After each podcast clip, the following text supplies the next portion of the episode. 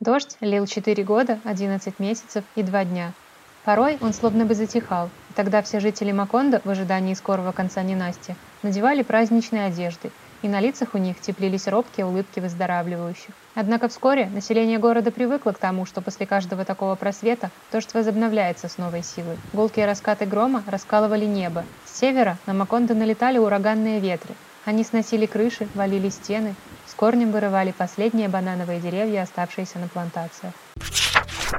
Вітаю, я Наста, а ты слухаеш падкаст Белліт. Першы беларускамоўны падкаст пра літаратуру. Гэта мой чытацкі дзённік, у якім вас чакаюць агляды навінак і сусветнай класікі. Вартыя ўвагі творы беларускай літаратуры, а таксама цікавыя літаратурныя і каля літаратурныя гісторыі.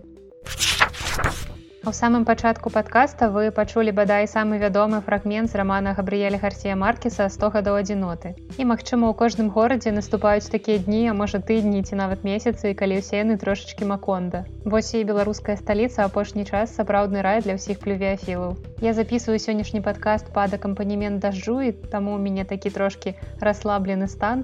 І перад сённяшнім выпускам я б хацела падзякаваць усім людзям, якія пакідаюць мне добрыя словы, цёплыя каментарыі, вы пішаце іх або мне мне асабіста або ў каментарыях на тых пляцоўках і праз якія вы слухаеце гэты падкаст. Дзякуй вам вялікі вашыя словы сапраўды натхняюць і матывуюць мяне рухацца далей. Калі я бачу дзеля чаго ўсё гэта раблю што для вас гэта не нейкая фігня і што вам сапраўды гэта ўсё карысна і патрэбна таму яшчэ раз дзякуй вы ведаеце як падтрымаць людзей калі вам падабаецца тое што яны робяць. Просто скажыце ім пра гэта калі у вас ёсць такая магчымасць.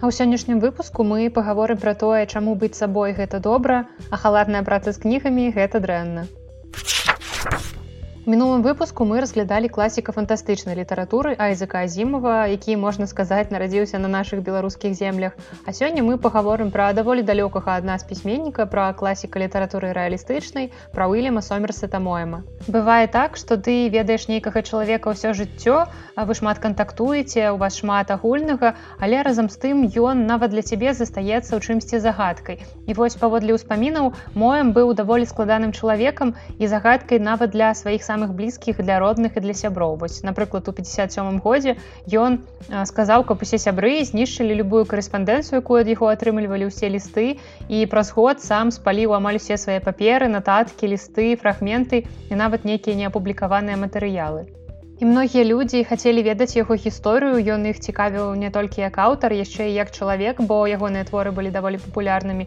Але сам моем заўсёды адгаворваў э, людзей, якія планавалі стаць патэнцыйнымі ягонымі біёграфамі. І таму ў наш час нават скласці яго дакладную біяграфію даволі няпроста.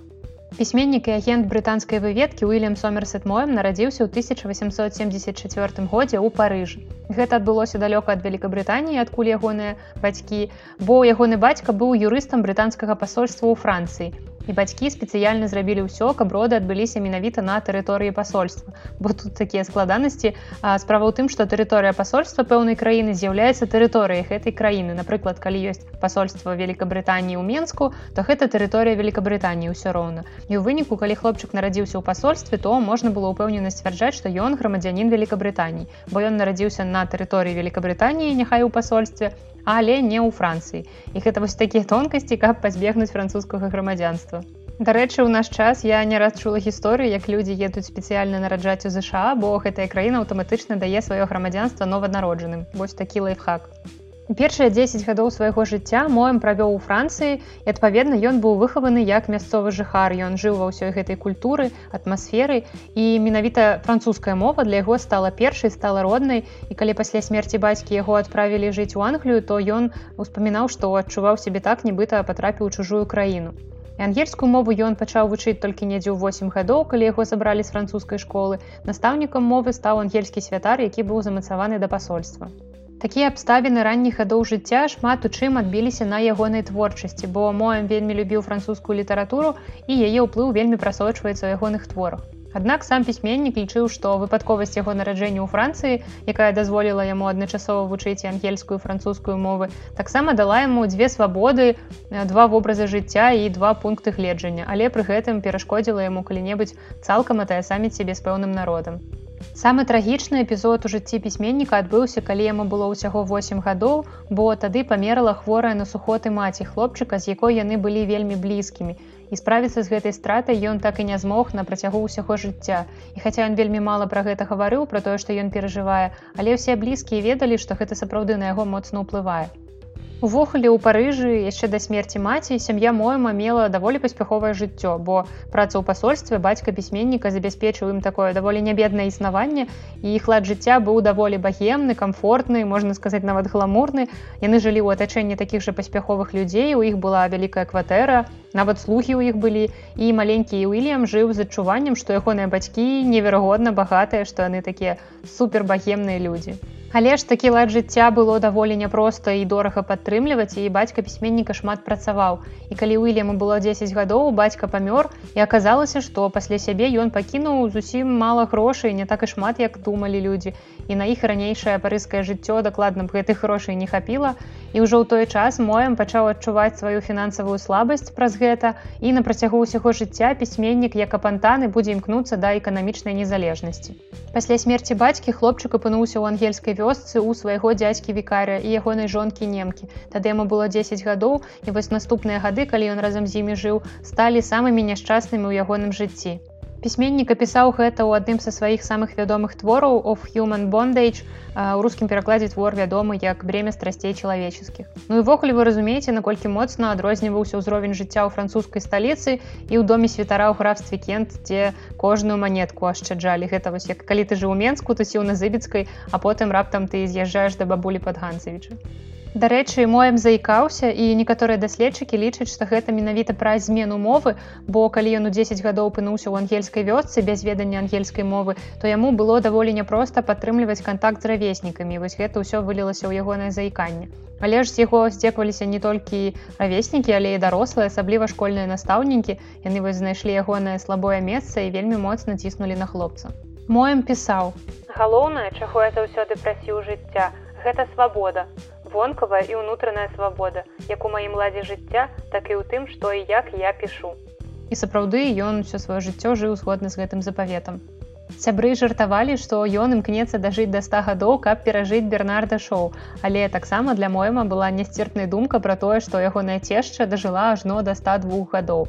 Але сам моем пражыў 91 год. На жаль да сотні ён трошкі не дажыў Раман, пра які мы сёння пагаворым, The Races Edge быў напісаны ў 1944 годзе. У рускім перакладзе ён вядомы як астрыё брітвы. І гэта гісторыя пра пошук сябе, які можа зацягнуцца на ўсё жыццё і ў гэтым няма нічога страшнага. Твор не аўтабіяграфічны, але ролю апавядальніка ў ім грае сам аўтар. Нібыта гэта гісторыя, якая з ім адбылася і ён дзейнічае ў ёй нароўні з іншымі персанажамі. Ён камунікуе з імі, ён сочыць заходам падзей, своеасаблівы назіральнік, які расказвае нам, нібыта ён все гэта бачыў на свае вочы.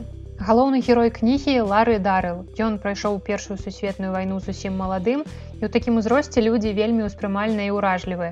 Такая падзея, як вайна, яна проста не можа для іх прайсці бясследна, нават для людзей старэйшага ўзросту. Праўда, хтосьці гэта перажыве хутчэй, а хтосьці, як ларыт назаўжды пакіне ў сабе гэты траўматычны вопыт. І тут моем ужо не першы раз у сваёй творчасці выкарыстоўвае ваенны вопыт у якасці каталізатара развіцця персанажа. На вайне лары быў пілотам і ён бачыў смерць і цяпер гэта не дае яму жыць нармальным жыццём, нармальным у вачах навакольных. Гэта знайсці працу і нарэшце ажаніцца за сваёй невестай ізабелай з вайны лары вярнуўся цалкам іншым чалавекам вельмі занепакоеным і шмат у чым прычынай такой змены ў ім стала смерць блізкага сябра які выратаваў ягонае жыццё але на ягоных вачах і загінуў. І гэта не дае лары жыць далей як ён жыў плыць наперад як усе плывуць і ён пачынае шукаць нейкі сэнс жыцця нейкую веру Але ніхто з навакольных лары зразумець не можа, бо яны жылі сваім спакойным ціхім жыццём, і яны абсалютна не ўяўляюць, што ён перажыў і што ён бачыў. Пачынае пошукі сябе лары менавіта праз кнігі і гэтыя пошукі і гэты шлях мне вельмі знаёмы. Ён чытае абсалютна розныя творы і аўтар піша, што лары мог 10 гадзінаў прасядзець з адной той жа кнігай на адным і тым жа месцы ў бібліятэцы Ён проста сядзеў 10 гадзін яе чытаў. Гэта мне таксама даволі блізка. Наступны шлях пошукаў сябе Лары знайшоў у падарожжах і ён вандруе ў такія краіны, якія і ў наш час з'яўляюцца даволі папулярным месцам, каб ехаць і шукаць сябе, напрыклад, Індыя. У той жа час мы бачым іншых герояў рамана, якія спрабуюць адпавядаць грамадскім нормам і пражываюць свае жыцці па шаблонах. У іх ёсць паспяховая праца, каб годна выглядаць у вачах знаёмых, яны займаюцца пад халімажам каб у вышэйшай колы прабіцца. І падзеі рамана разгортваюцца пераважна ў парыжы. Можна падумаць што гэта такія ўспаміны аўтара пра ягоныя багемныя бесклапотныя раннія гады. Гэта апошні буйны твор моема і шмат у чым ён стаў падсумаваннем вынікаў жыцця аўтара. Творы ён палемізуе з маладым персанажам, якога самы прыдумаў, бо у лары ёсць грошы, якія яму даюць магчымасць весці такі лад жыцця. Ён не працуе, ён вандруе, жыве, можна сказаць, дзеля ўласнага задавальнення, шукае сябе І раз у яго заўсёды гэтыя грошы былі, то для яго яны абсалютна ніякай каштоўнасці не маюць. І Лары кажа мойму ў творы, маўляў, для вас грошы гэта свабода, але ж для мяне гэта рабства. І моем яго не разумее. І тут ён выказвае сваю пазіцыю, сваю пазіцыю не толькі як пісьменніка, але як чалавека. Ён менавіта фінансавую незалежнасць лічыць пэўнай формай свабоды. І тут трэба мойму аддаць належнае, ён разглядае два бакі пытання, ён дае права на жыццё кожнаму, не толькі свайму пункту гледжання. І ён здольны прызнаць, што вось пайшла такая моладзь, для якой такое незалежнасць гэта зусім не фінансавы дабрабыт. Кніга выйшла ў 1944 годзе яна нібыта прадбачыла з'яўленне наступнага пакалення бітнікаў 50х такой же мяцежнай моладзі. Калі мы бачым лары ў творы апошні раз ён сустракаецца з моемам у парыжы і збіраецца вярнуцца ў ЗША Ён хоча адмовіцца ад усіх грошай якія мае каб стаць цалкам незалежным і шчаслівым. І вядома ж мояму захапленне ад такіх упартых перакананняў мужчыны ад ягонай шчырасці Але ж тут ён супрацьпастаўляе сябе лары і прызнаецца, што ніколі па жыцці так не змог, як лары ісці гэтым шляхам духу. І пра сябе ён кажа, што ён з зямлі, ён зямлянін і яго такія больш прыземленыя жаданні. Магчыма, гэтая кніга дапаможа людзям, якія таксама шукаюць сябе як і галоўны герой, каб усвядоміць і прыняць, што ўсё з імі ў парадку і гэта абсалютна нармальна, нормально не імкнуцца абзавесціся сям'ёй не хацець дзяцей не працаваць калі у вас есть такая магчымасць і пражыць жыццё толькі ў адпаведнасці са сваімі жаданнямі і патрэбамі пры гэтым не шкодзіць іншым але і не дзейнічаць выключна ва угоду ім ці нейкай там міфічнай грамадскай думцы. Мне здаецца у наш час магчыма ўсё і можа камусьці гэтая кніга дапаможа зрабіць крок наперад да сваёй мары. Не верніком Як і абяцала, сёння мы таксама пагаворым пра халатную працу з кнігамі, бо для мяне гэта проста тэма трыгер. Я заўжды вельмі напружуюся, калі мне трэба гаварыць на гэтую тэму. Але спачатку пра змест наступнай кнігі абстрагавана ад таго, якім чынам яна выдадзеная. Калі я ўбачыла ў фейсбуку владимира сцяпана што ён выдаў новую кнігу то я адразу за ёй паехала. Я наслухалася кампліментаў ад аўтара атрымала аўтограф. І вось за гэта я вельмі люблю беларускую літаратуру. Яна зусім побач. Вы можете сустрэць пісьменніка на вуліцы ідзе заўгодна вы можете з ім паразмаўляць. У сацыяльных сетках таксама можете ім напісаць яны вам адкажуць. І гэта вельмі класна. Беларуская літаратура яна вельмі блізкая да сваіх чытачоў творчасцю владимира сцяпана я займаюся шчыльненька ўжо каля 5 гадоў нават больш бо ён адзін з герояў маёй дыпломнай магістарская цяпер і кандыдацкай дысертацыі. Я там даследую аўтабіяграфічную прозу сучасную і таму ў новай кнізе калі я даведалася што гэта зборнік я таксама чакала нейкіх такіх тэкстаў і так і выйшла. Зборнік складаецца з некалькіх апавяданняў і цыклаў мініяцюр. Мастацкія там толькі ў апавяданні ўсё астатняе гэта нон-фікшн гэта аўтабіяграфічная кароткая проза Мне здаецца што ў літаратурнай дзейнасці сцяпану вельмі дапамагае мастацкая адукацыя ён літаратуру і мастацтва так добра спалучае бо ён скончыў мінскае мастацкае вучылішча імя хлебава таксама беларускі тэатральны мастацкі інстытут па спецыяльнасці жывапісец і працаваў мастаком афарміцелем і кніжнай графікай таксама займаўся. І трэба адзначыць, што ў кароткай прозе сцяпан як рыба ў вадзе і гэта такая адсылачка да рыбалкі, бо гэта яшчэ адно захапленне пісьменніка акрамя літаратуры і мастацтва і пра гэта таксама будзе далей. Апавяданні ў гэтым зборніку вельмі рэалістычныя, яны маюць дакладны сюжэт, але часам маюць вельмі нечаканыя развязкі. І мне вельмі спадабалася, напрыклад, апавяданне сустрэча, дзе аўтар паказвае сітуацыю, у якой ад адной невялічкай падзеі можа залежыць лёс чалавека. Прычым паміж гэтымі сцэнарыямі яго далейшага жыцця розніца проста каласальная. А таксама звычайна апавяданню сцяпана вельмі востра сацыяльныя, вельмі актуальныя, як, напрыклад, апавяданне дзеці, у якім даволі трагічна паказаны адносіны бацькоў дзяцей. Але большая частка кнігі гэта цыклы лірычных мініяцюр. Кожны цыкл мае назву і мініяцюры ў ім як хлавы раманы яны маюць загалоўкі і апісваюць асобныя факты ці эпізоды з жыцця пісьменніка або некаторых яго родных ці блізкіх. Раней я ўжо казала, што ўладзімир сцяпан заўзяты рыбак і пра гэта ведаюць усе, хто хоць раз завітваў на яго старонку ў фейсбуку, бо там уладзімир актыўна дзеліцца тэматычнымі здымкамі, прычым яны заўжды вельмі атмасферныя. Вось уявіце сабе раніца, туман, прырода рака і вось таксама ён піша адпаведныя тэксты. І гэтыя тэксты сабраныя ў цыклы мініяцюр няўлоўная ён мае падзагаловак аповесць і сапраўды гэта такая цудоўная шматзначная назва няўлоўная у ёй адначасова хаваецца ідзея слоў лавіць які непасрэдна мае дачынення да рыбалкі а таксама пачуццё таго што ёсць моманты якія вельмі цяжка зафіксаваць. Гэта адчуваецца ў мініяцюрах бо столькі ўсяго застаецца па-за кадрам. Сцяпан спрабуе фіксаваць момант але яго немагчыма перадаць словамі бо часам гэта просто на ўзроўні нейкіх адчуванняў.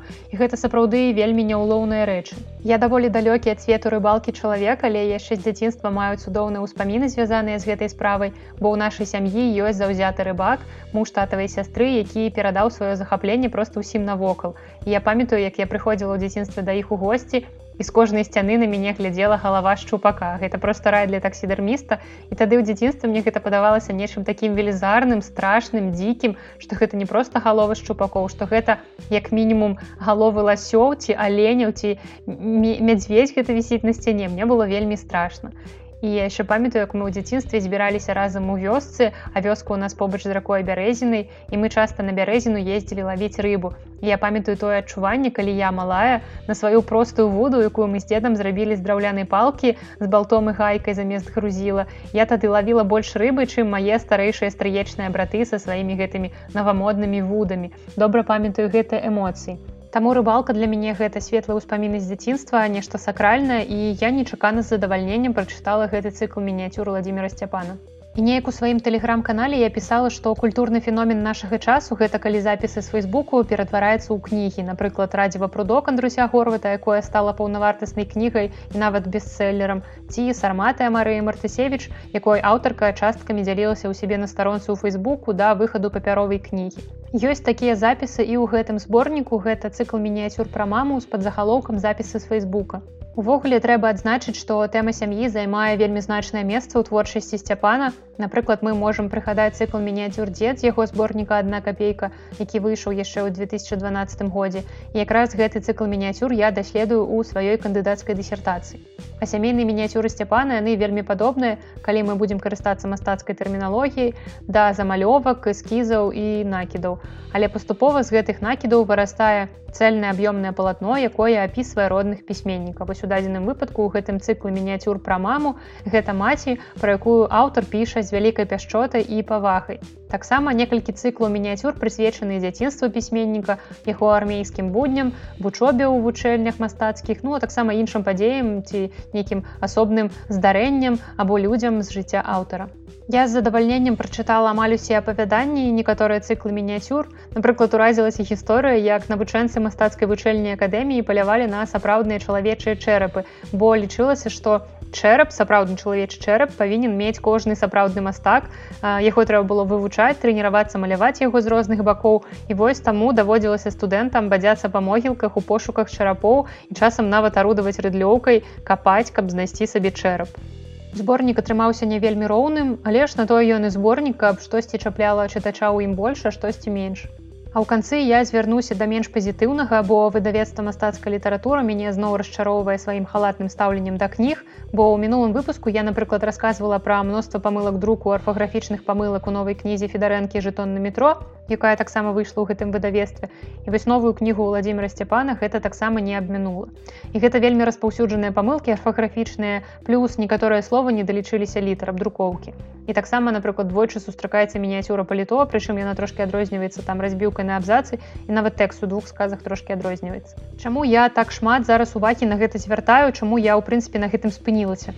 Таму што цана кнігі няхай і ў цвёрдай вокладцы гэтая кніга выйшла даволі якасна.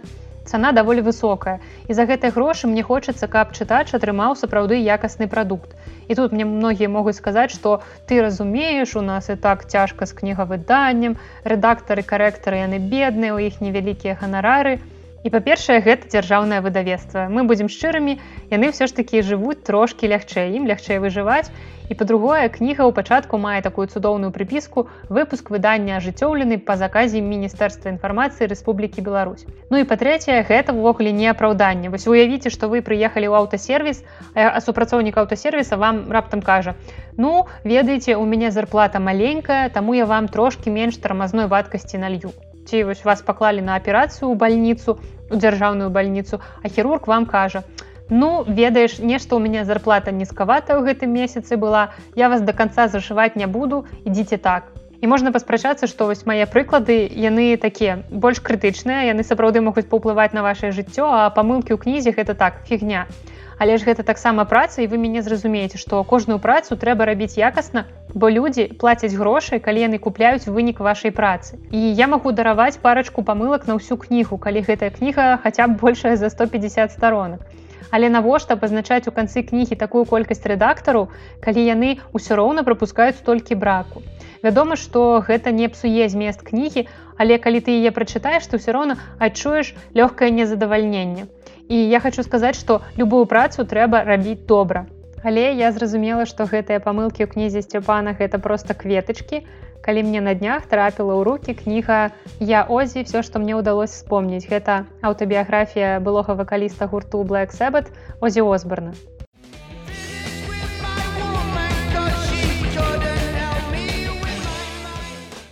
Пераклад кнігі на рускую мову выйшаў у 2018 годзе ў выдавецтве бамбора гэта імпрынт выдавецтва эксмо кнігу я прачытала літаральна за некалькі дзён яна неверагодна класная. Калі вы ведаеце хто такі озі осбран калі вам цікава ягоная асоба калі вы ў прынцыпе любіце такую музыку то яна вам сапраўды зойдзе. Але ёсць тут і мінусы.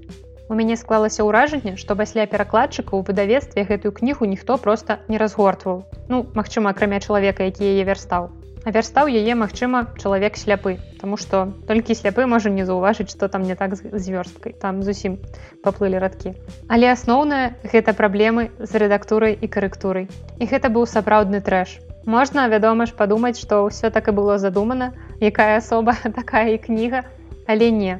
Ясна што стыль озі там ёсць пэўныя словы але ж карэктура гэта не праблема гэтай кнігі гэта праблема выдавецтва якое вось так халатна паставілася да сваёй працы там амаль на кожнай старонцы адбываецца поўны трэш. І гэта не ў дачыненні да зместу і да жыцця озі озбарна а ў дачыненні да вялікай колькасці памылак друку арфаграфічных памылак ці проста крывых сказаў якія сустракаюцца ў гэтай кнізе І я ж яе чытала для ўласнага задавальнення, як людзі, якія проста чытаюць кнігі, яны могуць не заўважаць, не звяртаць увагі на гэтыя памылкі. Бо сапраўды ёсць такі псіхалагічны феномен тэст вы можете сябе праверыць, калі ёсць слова, у ім ёсць першыя апошнія літары, якія стаяць на сваіх месцах, а ўсе астатнія літары ў слове пераблытаны. І вось напрыклад цэлы тэкст, які складзены з такіх словаў. І вы ўсё ў ім зразумееце, бо так працуе наш мозг. Таму калі мы чытаем, мы не заўжды звяртаем увагу на памылкі. І таму я мне здаецца, я нават упэўненая, што я не заўважыла паловы з таго, што там сапраўды ёсць, бо я не ўчытвалася ў сказы як рэдактар, я чытала гэтую кнігу як чытач. І ўсё роўна мне на вочы трапілася вялікая колькасць памылак. Я не ведаю, як такое адбываецца, бо нават у наш час, калі ёсць такая штука, як тэкставы рэдактор Word, які табе падкрэслівае ўсе твае памылкі, нават дыслексік можа напісаць тэкст цалкам без памылак. Тым больш па-расейску, дзе акрамя ворда існуе яшчэ вялікая колькасць праверак правапісу і проста трэба патраціць трошачкі больш часу. Але і беларускія рэдактары і карэктары таксама магчыма не ведаюць пра тое, што існуюць праверкі правапісу для беларускай мовы, а яны існуюць І гэта тое, чым рэдактары і карэктары абавязкова павінны карыстацца ў сваёй дзейнасці. І вось на такой аптымістычнай і поўнай эмоцыі ноце я хочу завяршыць сённяшні выпуск. Я вам нагадваю, што спасылкі на ўсе кнігі, пра якія я сёння гаварыла, вы можете знайсці ў апісанні да гэтага выпуску. А таксама ў апісанні спасылка на мой тэлеграм-канал пра беларускую літаратуру, а таксама Google форма, у якую вы можете пісаць свае пытанні, заўвагі, прапановы, ўсё што заўгодна, ўсё, што вам хочацца мне сказаць, усё пішыце туды. І на гэтым я развітваюся. З вами была Наста і падкаст Белліт. Да сустрэчы.